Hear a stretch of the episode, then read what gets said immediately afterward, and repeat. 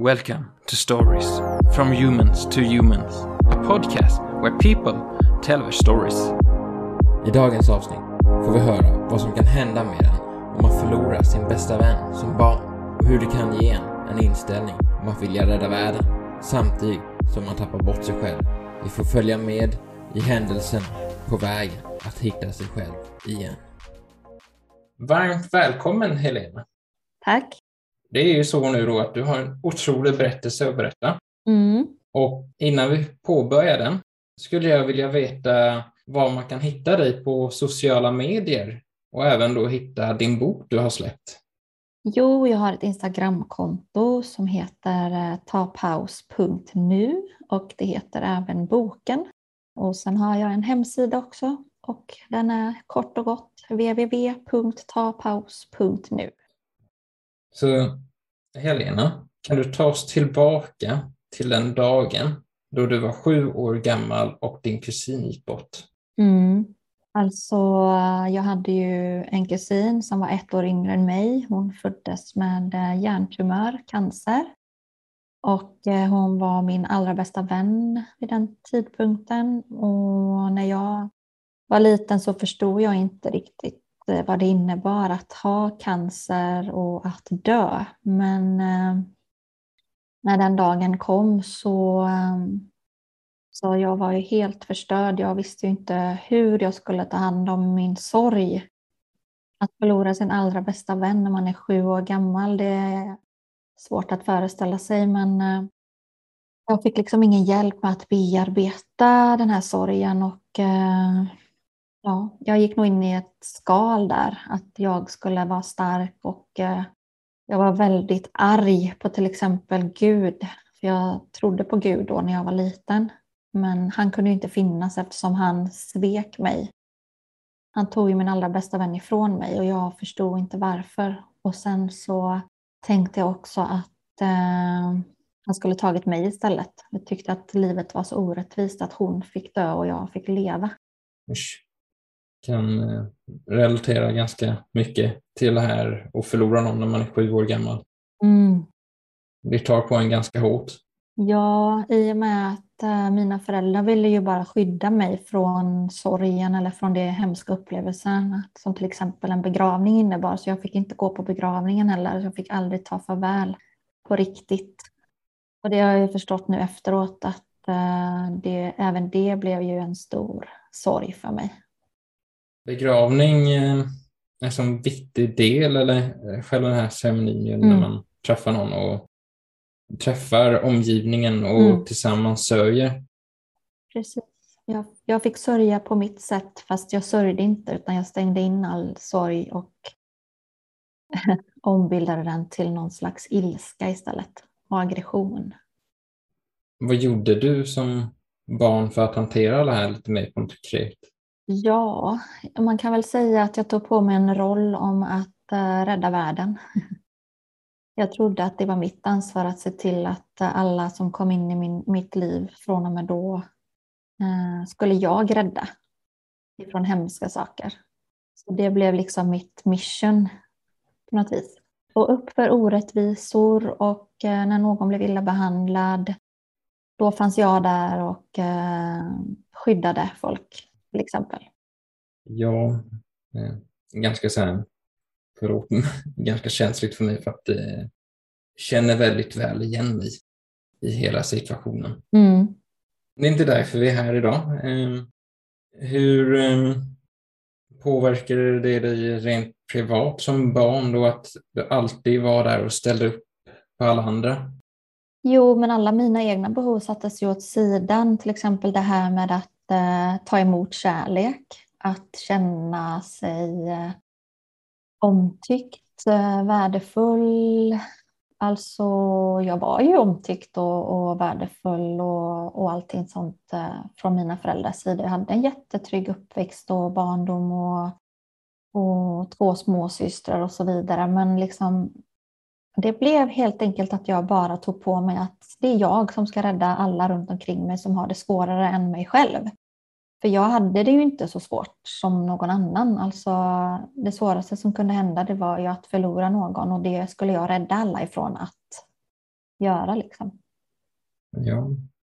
Det är en tuff roll att ta sig på. Mm. Så ju äldre jag blev, desto mer människor jag träffade, desto närmare folk kom mig, eh, tog jag på mig den här liksom, rollen av att eh, underlätta deras smärta så att jag själv skulle ta på mig deras smärta, eller man ska säga.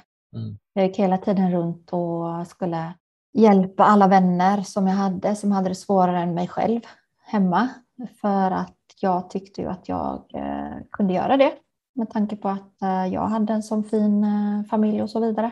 Så i tonåren till exempel blev det ju så att om det var någon i min klass eller en nära vän som hade det svårt hemma till exempel med eh, familjen som ja, skilsmässobarn eller droger eller liksom sådana grejer så var jag där och så var jag den lilla skyddande ängeln liksom, som skulle liksom göra livet glatt och kul för dessa kompisar bland annat. Och då blev det ju att jag drogs in i massa saker som jag egentligen inte borde vara indragen i, men det blev så automatiskt liksom för att hela min värld kretsade ju bara kring att vara andra till lags och hjälpa dem och stötta dem och så vidare. Så att, eh, ja, tonåren blev ju ganska turbulent.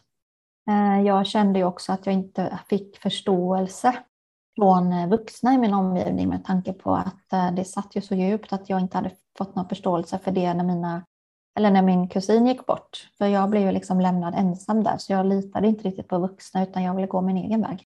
Så det spelade liksom ingen roll vad mina föräldrar eller lärare eller någon sa till mig så var jag bara det där barnet eller den där tonåringen som inte skulle lyssna och bara gå min egen väg. Liksom. Och det kunde nästan bli tvärtom effekt om någon sa åt mig att ja, men Helene, hur tänker du nu? Så här kan du väl inte hålla på? Då blir det liksom jo, jag ska allt visa dig att det går visst det. Liksom. Och det var liksom en inre kamp med mig själv. Jag ville inte, men jag gjorde det ändå. Jag ville lyssna på vuxna, men jag gjorde inte det. Ja, det är förståeligt. De har ju redan svikit dig så hårt ju.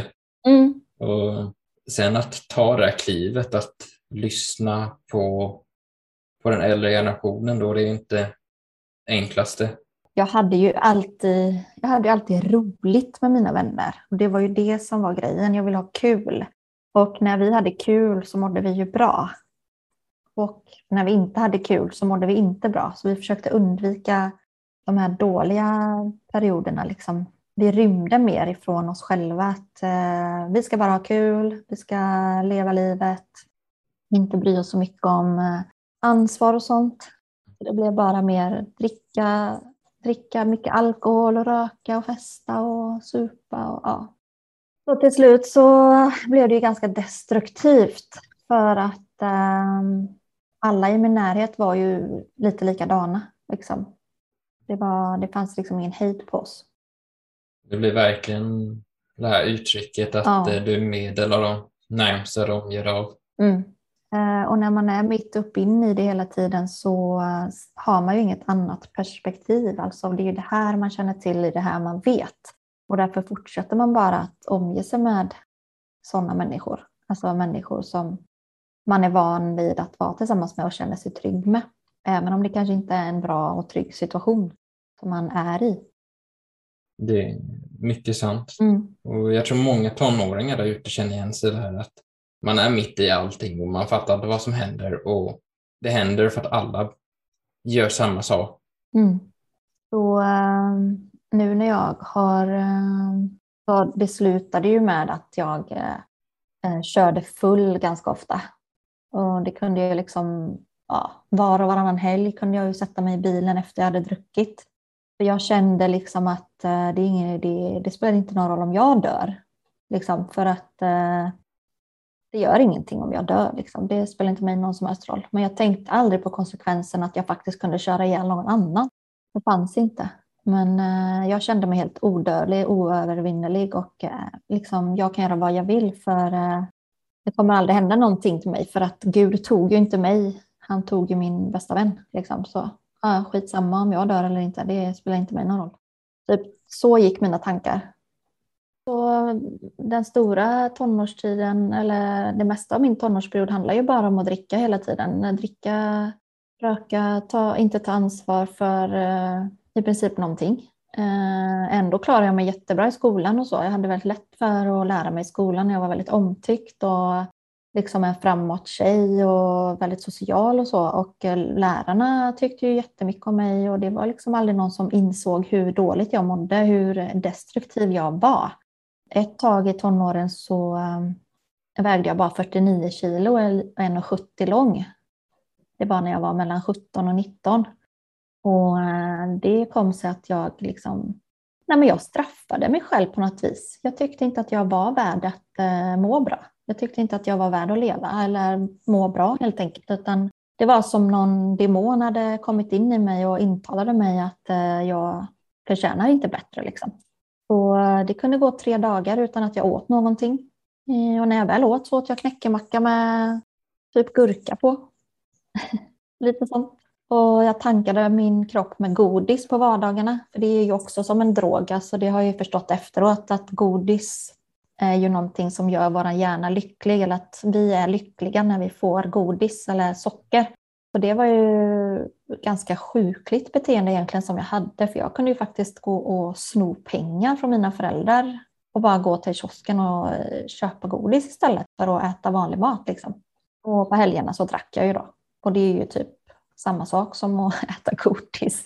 Eller att vara beroende av godis kan man säga. För man ska hela tiden ha en kick. Och alkoholen är ju mer så här att man blir lugn och känner sig eh, ja, lugn den tar ju liksom bort känslan av stress till exempel. Och då var det ju jättenaturligt för mig att dricka på helgerna. För att det var ju så skönt att bara få lugna ner sig. När jag var så himla stressad de andra dagarna i veckan för att det kändes som att hela mitt system var på flykt. Det stresssystemet, det var, liksom, det var aldrig avstängt. Utan jag hela tiden skulle vara på helspänn och fly eller hjälpa någon. Ja, jag förstår fullt ut. Alkoholen det är ju olika effekt på de flesta människor där. Mm. Många upplever ju det här lugnet. Mm. Och godis det är ju ja, socker, mm. det är beroende. Precis. Så eh, att bli av med sitt sockerberoende är ju riktigt svårt. Eh, men att sluta dricka var ju inte svårt eh, när man väl hade nått botten. Jag nådde ju botten genom att köra av vägen väldigt berusad i 170 kilometer i timmen. Eh, jag hade två stycken eh, killkompisar som eh, hade efterfest och jag skulle gå hem och lägga mig för jag var jättetrött. Liksom. Jag, det fanns ju gränser för hur mycket man orkade. återigen så såg jag ju att det var två av mina vänner som skulle sätta sig i bilen och köra full. Och då sa jag bara nej, nej, nej, nej, nej, stopp och belägg, det ska ni verkligen inte göra. Jag kör, jag har inte druckit, sa jag. Jag satte mig i bilen och körde och de skulle hem, så körde jag hem dem. Men de ville ju att jag skulle testa att uh, trycka ner kickdown i bilen som det heter. Det är ju det här liksom. Han hade en ganska ny Volvo-bil som han var jättestolt över och han ville att uh, jag skulle testa liksom att trycka ner gasen så mycket man kunde i botten. Det kallas för kickdown för att se hur fort bilen gick. Jag sa bara nej, nej, nej, nej, nu är det jag som kör och vi ska köra hem lugnt och säkert och försiktigt här så att inga sådana konstigheter nu. Men så kom vi till en raksträcka och jag bara nej, varför inte? Jag kan ju testa i alla fall. Det är lugnt, jag har ju koll. Så jag tryckte gasen i botten och kom upp i 220 kilometer i timmen. Jag minns inte hur mycket jag hade druckit, men jag var ju riktigt full, alltså jag var superberusad så kände jag efter en stund att nej, nu måste jag sakta ner. Så jag släppte ju gasen såklart. Men eh, det var ju en bil med eh, automat. Himla van att köra automatbil så jag råkade ju trycka på bromsen så att den började wobbla så här. Mm. Och då tappade jag ju greppet om alltihopa. Så när jag tittade på hastighetsmätaren sista gången då, då stod den på 170 kilometer i timmen och då skrek jag bara rakt ut, nu dör vi. Liksom. Och det jag minns från händelsen det var att vi, eh, vi kom över på fel sida av vägen, eh, Eh, krockade med en lyktstolpe i sidan på bilen, bakdelen av bilen, så att den voltade några varv. Jag vet inte hur många varv vi voltade, men vi landade på de fyra däcken i alla fall. Eh, och när jag tittade ut så satt jag fast liksom i ratten och så här. Jag, jag bara satt helt fast. Det var helt kolsvart ute. Det var typ fyra på natten. Och um, det var helt stjärnklart och helt öde och supertyst. Och jag kunde liksom inte jag visste inte om jag dog eller om jag var levande. Det var liksom som ett stort, kraftigt, magiskt ljus som lös upp hela himlen när vi voltade. Och jag kände superstark närvaro av någon kraft. Alla vi överlevde. Vi kunde liksom gå från platsen, men bilen var helt mos. Den var så mos så att man trodde att alla som hade suttit där hade dött på en gång. Och den ena killen flög ut genom bakrutan för han hade inget bälte på sig. Och jag trodde verkligen att han var död. Men han kom bara hoppandes och skuttandes och skrek av adrenalin att vi måste härifrån, vi måste härifrån. Och ehm, den andra killen han eh, let ut mig på sin sida utav, eh, alltså passagerarsidan då, för jag kunde, man kunde inte öppna förardörren alls. Det var liksom helt mos. Om man ser bilen, om man hade sett bilen idag, så kan man inte förstå att jag har suttit där och gått levande därifrån. Fick ni någon skada överhuvudtaget? Ja, jag var ganska mörbultad i själva bäckenpartiet och så. Eh, och väldigt mycket blåmärken så. Jag gick ju till läkaren två dagar efter olyckan hade hänt för, eh, för att liksom bli undersökt då. Den andra killen som flög ut genom bakrutan, han vågade inte gå till läkarna. Det var hans bil och hans mammas bil och han ville liksom inte att det här skulle komma fram och sådär, så han sökte aldrig vård. Men han lider ju av eh, whiplash-skador och sånt idag. Han har ju ständig verk hela, hela tiden i sin nacke och rygg. Och den andra killen som satt bredvid mig, han har inga skador alls. Han är helt fri från det. Så eh, ja, man kan verkligen säga att vi hade änglavakt. Eh, det var ju vändpunkten för mig. Där jag insåg att någonting måste ske jag eh, valde att eh, flytta ifrån liksom, den lilla byn där jag bodde, eh, komma ifrån allt och alla. Hur gick dina känslor och tankar bara dagarna efter det här? Nej, jag var i chocktillstånd i över två veckor. Jag kunde inte ens gå upp ur sängen. Kolsvart ångest, eh, kräkas varje dag. Mm, gråta konstant hela tiden och bara sova. Fullt förståeligt. Mm. Jag tog inte hjälp heller eh, efter detta, för jag skämdes så mycket. Man skäms ju ihjäl efter att ha gjort något sådant mot sig själv och mot andra. Men på något sätt så bara fortsätter man i alla fall och trycker undan känslorna och fortsätter. Eh, ja, jag slutade ju i och för sig att dricka ganska rejält. Eller jag slutade ju inte helt, men jag slutade att köra full. Ett steg åt rätt riktning. Ja, det var ju jättebra. Men alltså jag befann mig ju fortfarande i det destruktiva nedåtgående spiralen med att dumma mig själv, trycka ner mig själv, eh, dricka, röka, ja, fly hela tiden från min verklighet. Liksom. Tog det, var det jobbigt och även nykter att köra bil eller hur var det? Ja, ja, ja, i början var det ju det. Jag litade ju inte på mig själv och min egen förmåga överhuvudtaget. Ja, usch. Sen vet jag att du har beskrivit att eh, du hade en period där du helt plötsligt vaknade upp och var helt förlamad. Mm. Har du beskrivit det som. Vad är det som har hänt? Det var ju eh, 2011 eh, när jag, eh, jag hade ju flyttat ifrån den här lilla byn och träffat en kille och sådär och eh, kommit bort ifrån eh, det där destruktiva supandet. Eh, skaffat barn och, och så. Men eh, jag hade ju fortfarande väldigt mycket demoner inom mig och var väldigt, alltså, försökte vara en, en, en tjej som klarade av att ta hand om allting. Och vi fick ju barn och jag jobbade ju som förskollärare och allt möjligt. Och, ja, jag hade liksom bara fått för mig att nu ska jag åtgärda alla mina fel och brister som jag eh, hade med mig sedan tidigare och liksom verkligen bli en perfekt person. Och det var ju det som drev mig istället då, att jag skulle liksom åtgärda allting jag hade gjort. Så ja, bli en bra människa helt enkelt. Så då tog jag bara på mig mer och mer och mer och skulle vara jättepretto och bästa mamman och bästa sambon och bästa förskolläraren och snyggast hemma och ja, engagera mig hem och skola och starta hoppis och skuttis och ja, bara liksom ett helgon istället kanske. och tvärtom, tvärtom eh, idiot. Liksom.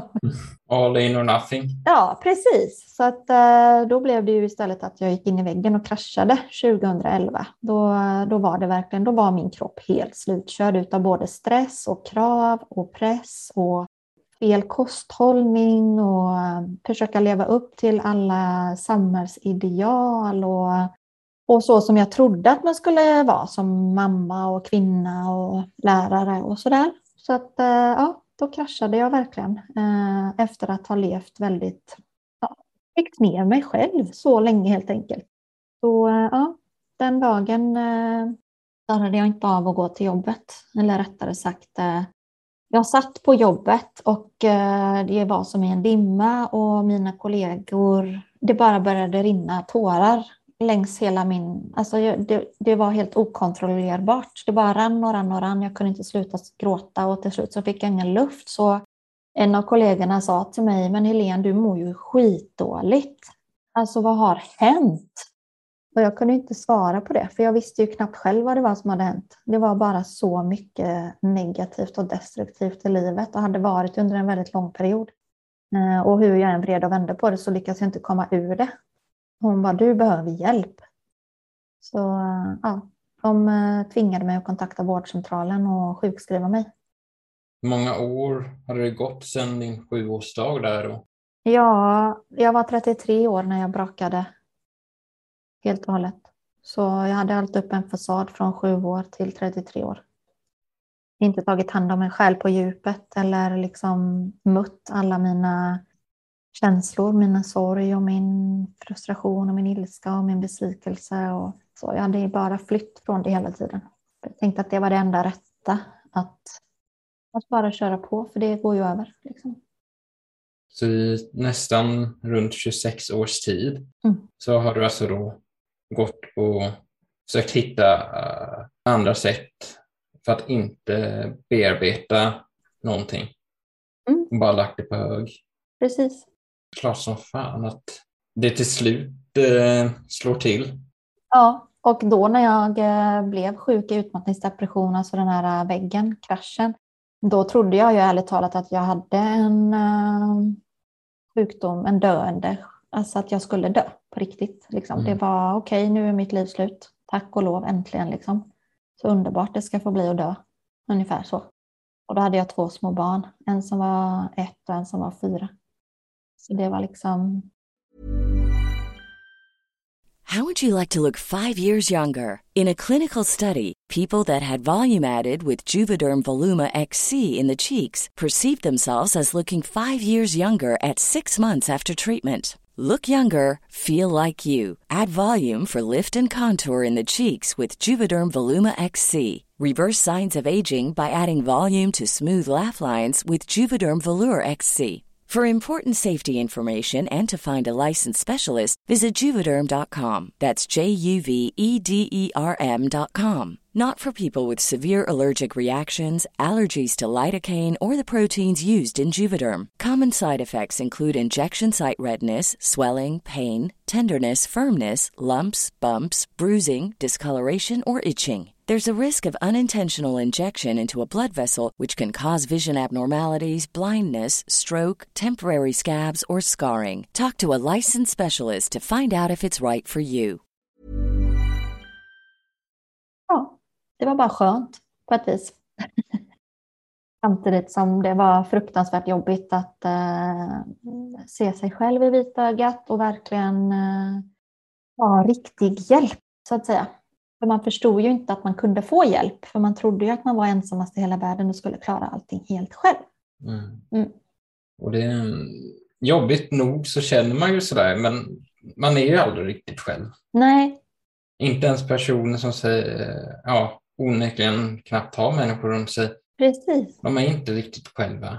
Det finns alltid någon jäkel där ute som bryr sig. Ja, och tack gode gud för det. Det är många som eh, har stått och sett på och inte förstått hur de ska hjälpa mig. Och det är helt förståeligt, för det går knappt att hjälpa någon som är så sjuk.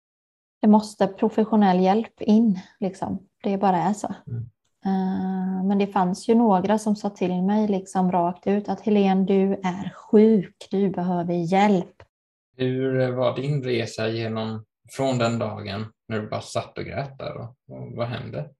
Ja, först så var det ju liksom att eh, jag ville ju bara dö. Jag tyckte liksom att nej, det finns inget kvar att leva för överhuvudtaget. Det kan kvitta liksom.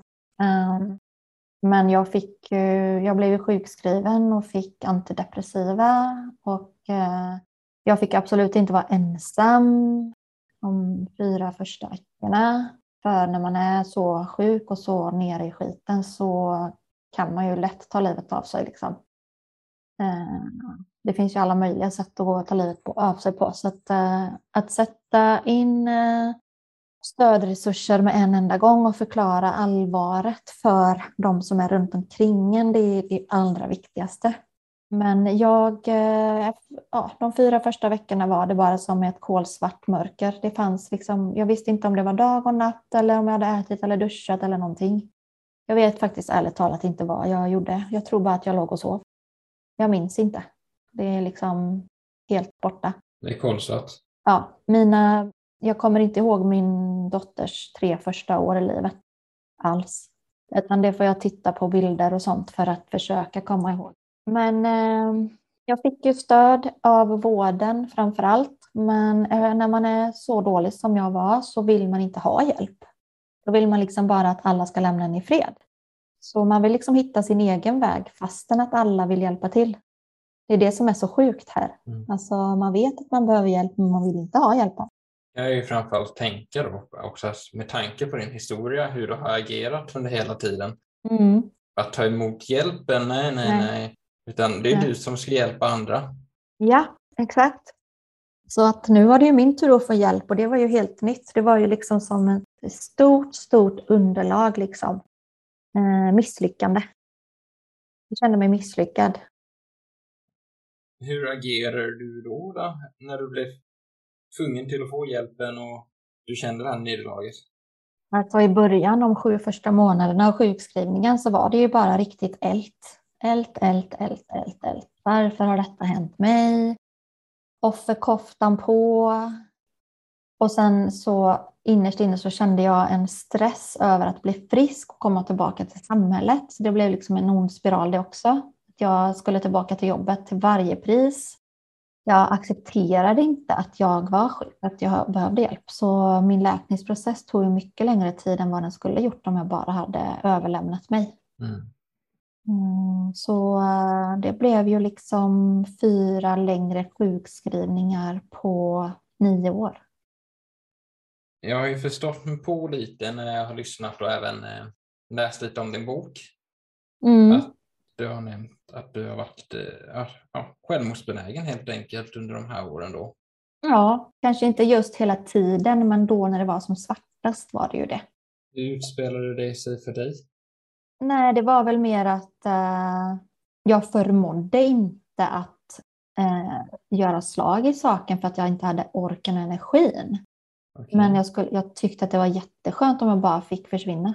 Om jag bara fick dö. Liksom. Det spelar inte mig någon roll om jag dör, typ sådär. Mm. Men det var inte där att jag försökte ta livet av mig några gånger, för det hade jag inte ens ork till.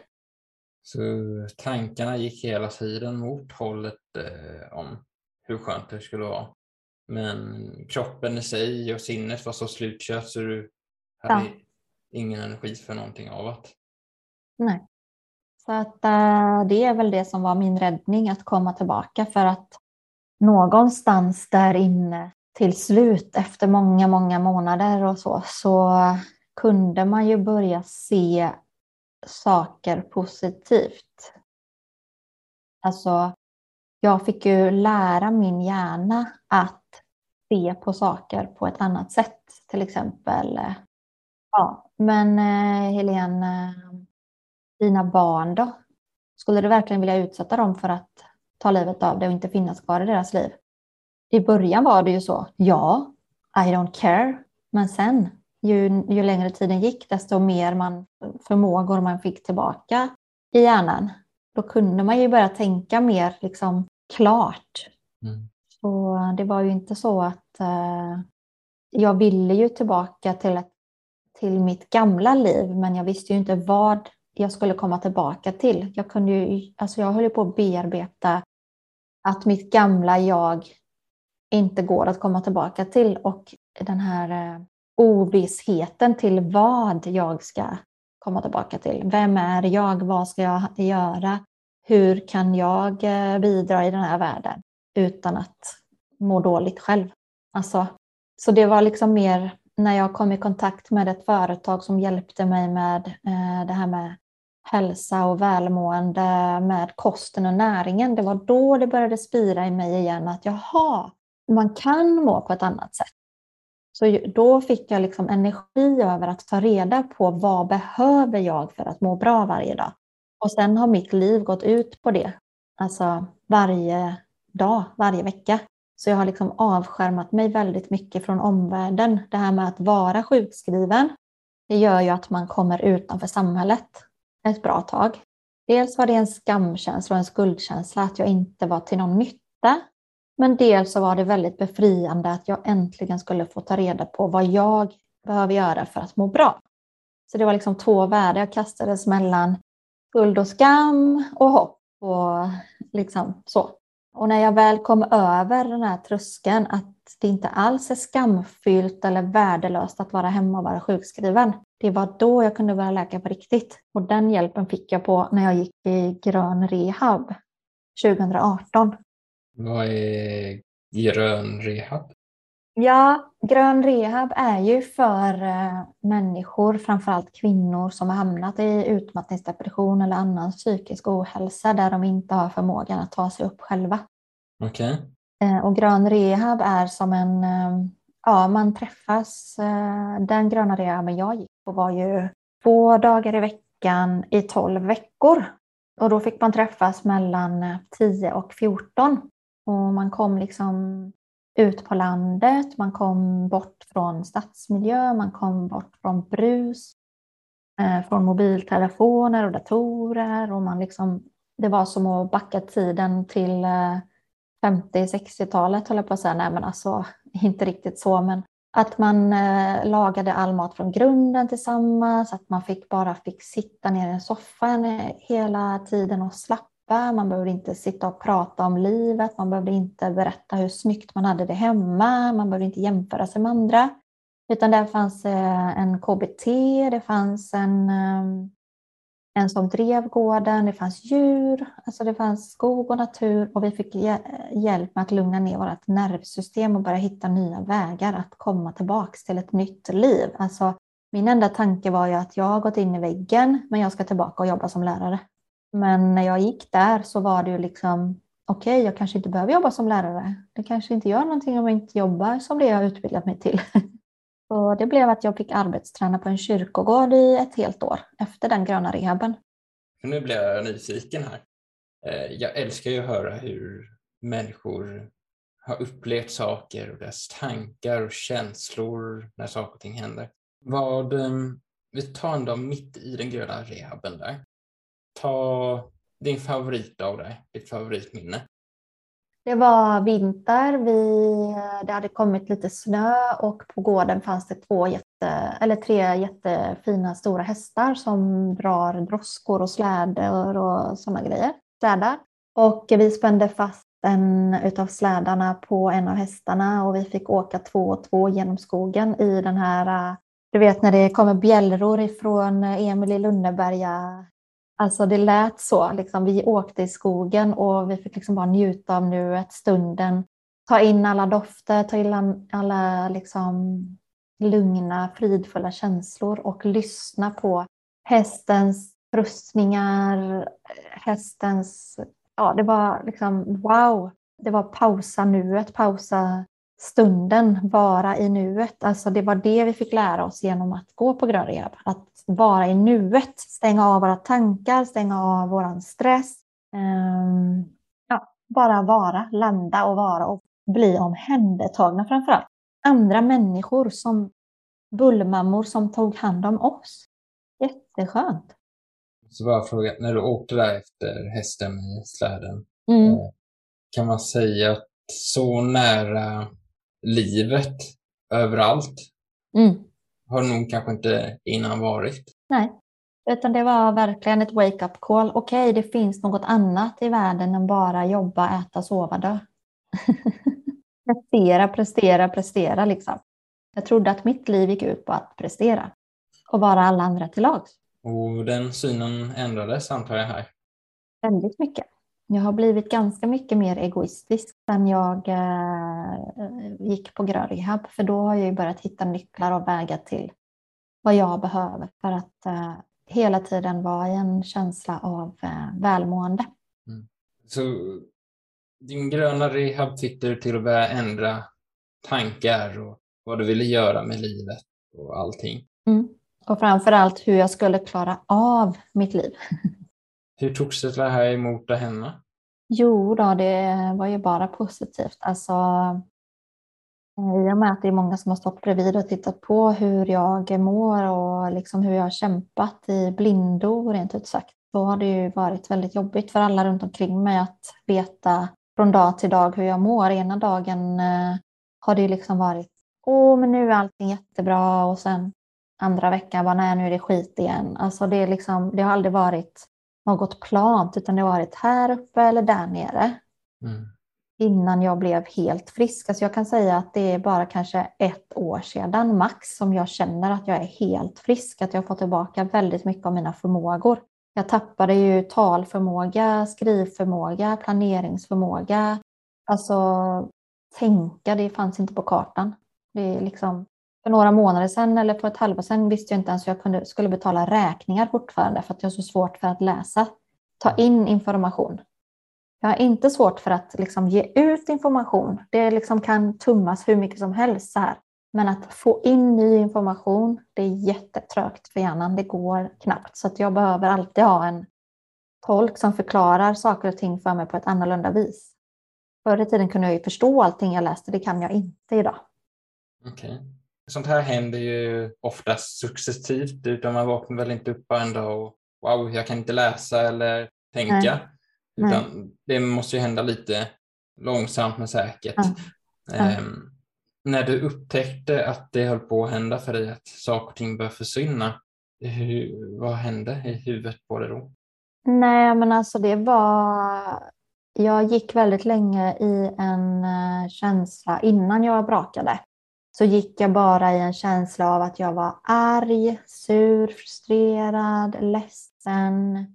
Och man skulle kunna tänka sig att det är många som säger att kvinnor är så himla hormonella. Ja, det kanske vi är, men för mig var det konstant en eh, känsla av värdelöshet, ilska, frustration och liksom jag var bara supersönderstressad och kunde liksom inte tänka klart. Så jag reflekterade aldrig över att jag inte kunde läsa då. Men det var liksom efter kraschen som det kom. Det, då gick det inte. Då gick det inte mm. längre. Det fanns inte längre. Blev du frustrerad över att det inte gick eller? Nej, jag, eh, nej, jag trodde bara att jag skulle dö. Alltså det var liksom, jag, kunde, jag kan inte sätta fingret på hur jag kände eller tänkte utan det var liksom bara okej, okay, nu är det slut nu då, efter grön rehab och allt vad som har hänt. Jag kan tänka mig att din omgivning måste tycka att du har förändrats en hel del. Oh ja. Jag har ju en annan vän eh, som jag har vuxit upp med eh, genom åren som vi har träffats på somrarna. Eh, och hon är typ som en stora syster för mig. Eh, och hon, vi träffades för några helger sedan och sa, sa hon bara, men Helene vilken resa du har gjort. Ärligt talat, jag hade ingen aning om allt det här och hon har ju läst min bok och sådär nu också. hon bara, varför har du aldrig sagt någonting? Nej. Man vill ju helst inte prata om det. Alltså, när man mår så dåligt så vill man inte komma med en sak till till andra människor som också mår dåligt.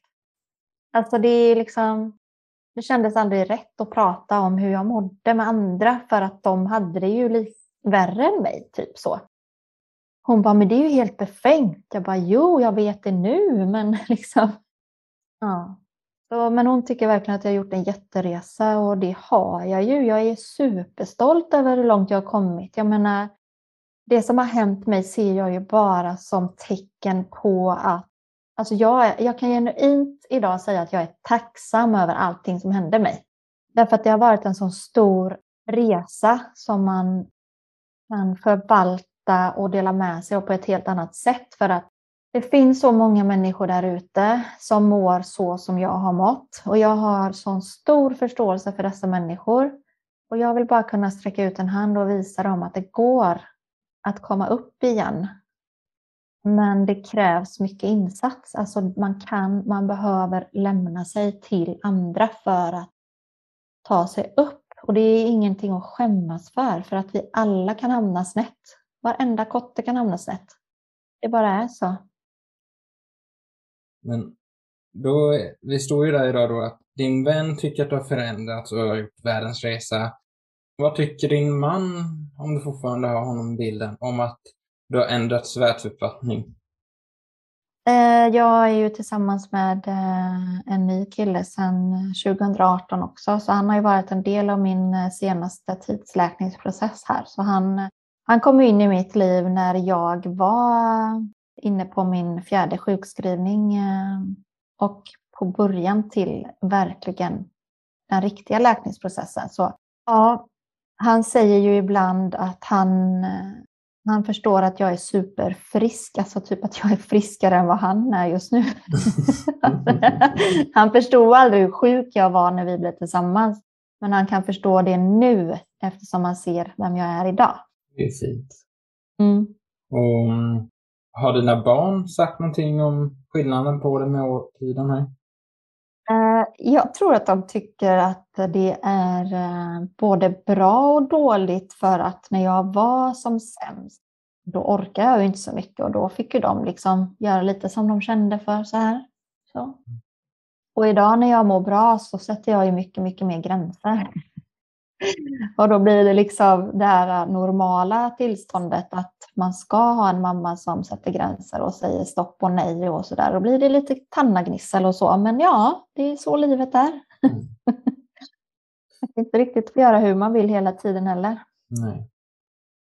Jag tror att de har lärt sig mycket genom att se att okej, okay, de förstod att mamma var jättesjuk. Och det måste ju ha varit fruktansvärt jobbigt att stå bredvid och titta på. Jag menar, det kan ju till och med hända så att man blir medberoende som barn när man har en förälder som är sjuk. Eh, men jag har väldigt bra koll på det och hjälper och stöttar mina barn om det är någonting de undrar över eller så. Så att, eh, ja, jag känner att vi har en fin kontakt.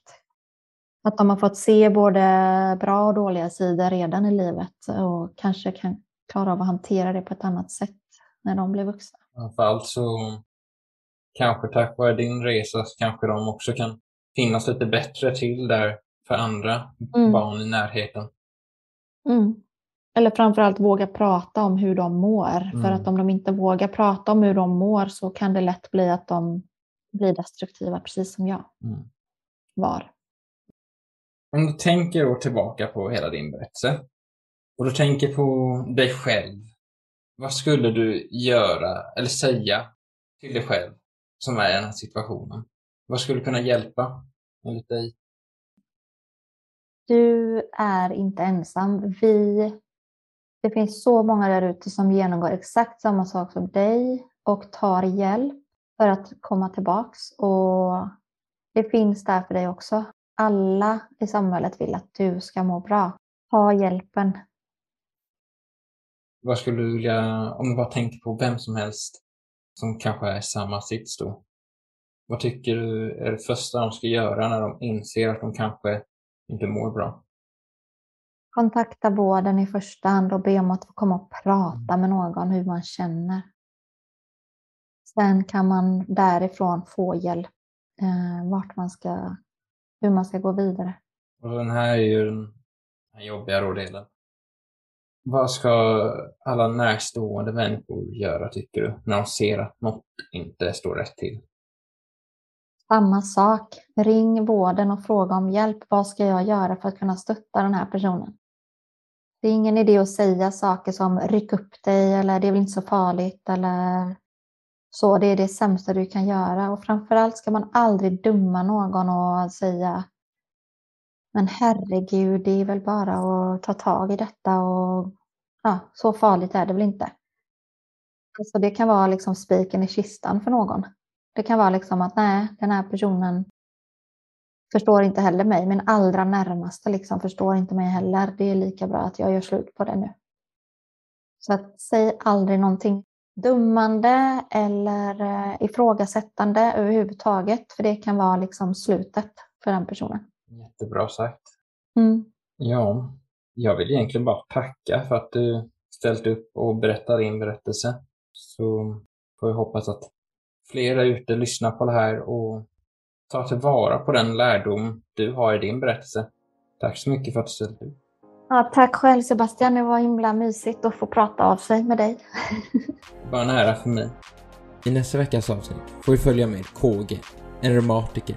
Vi får följa med från det ögonblick han tror att sjukdomen aktiverades i kroppen till hur han fortsatt bedriva sitt egna företag och alla de utmaningar det krävde. Till idag för att bli ordförande i Reumatikerförbundet i Kalmar. Ha nu en fantastisk vecka.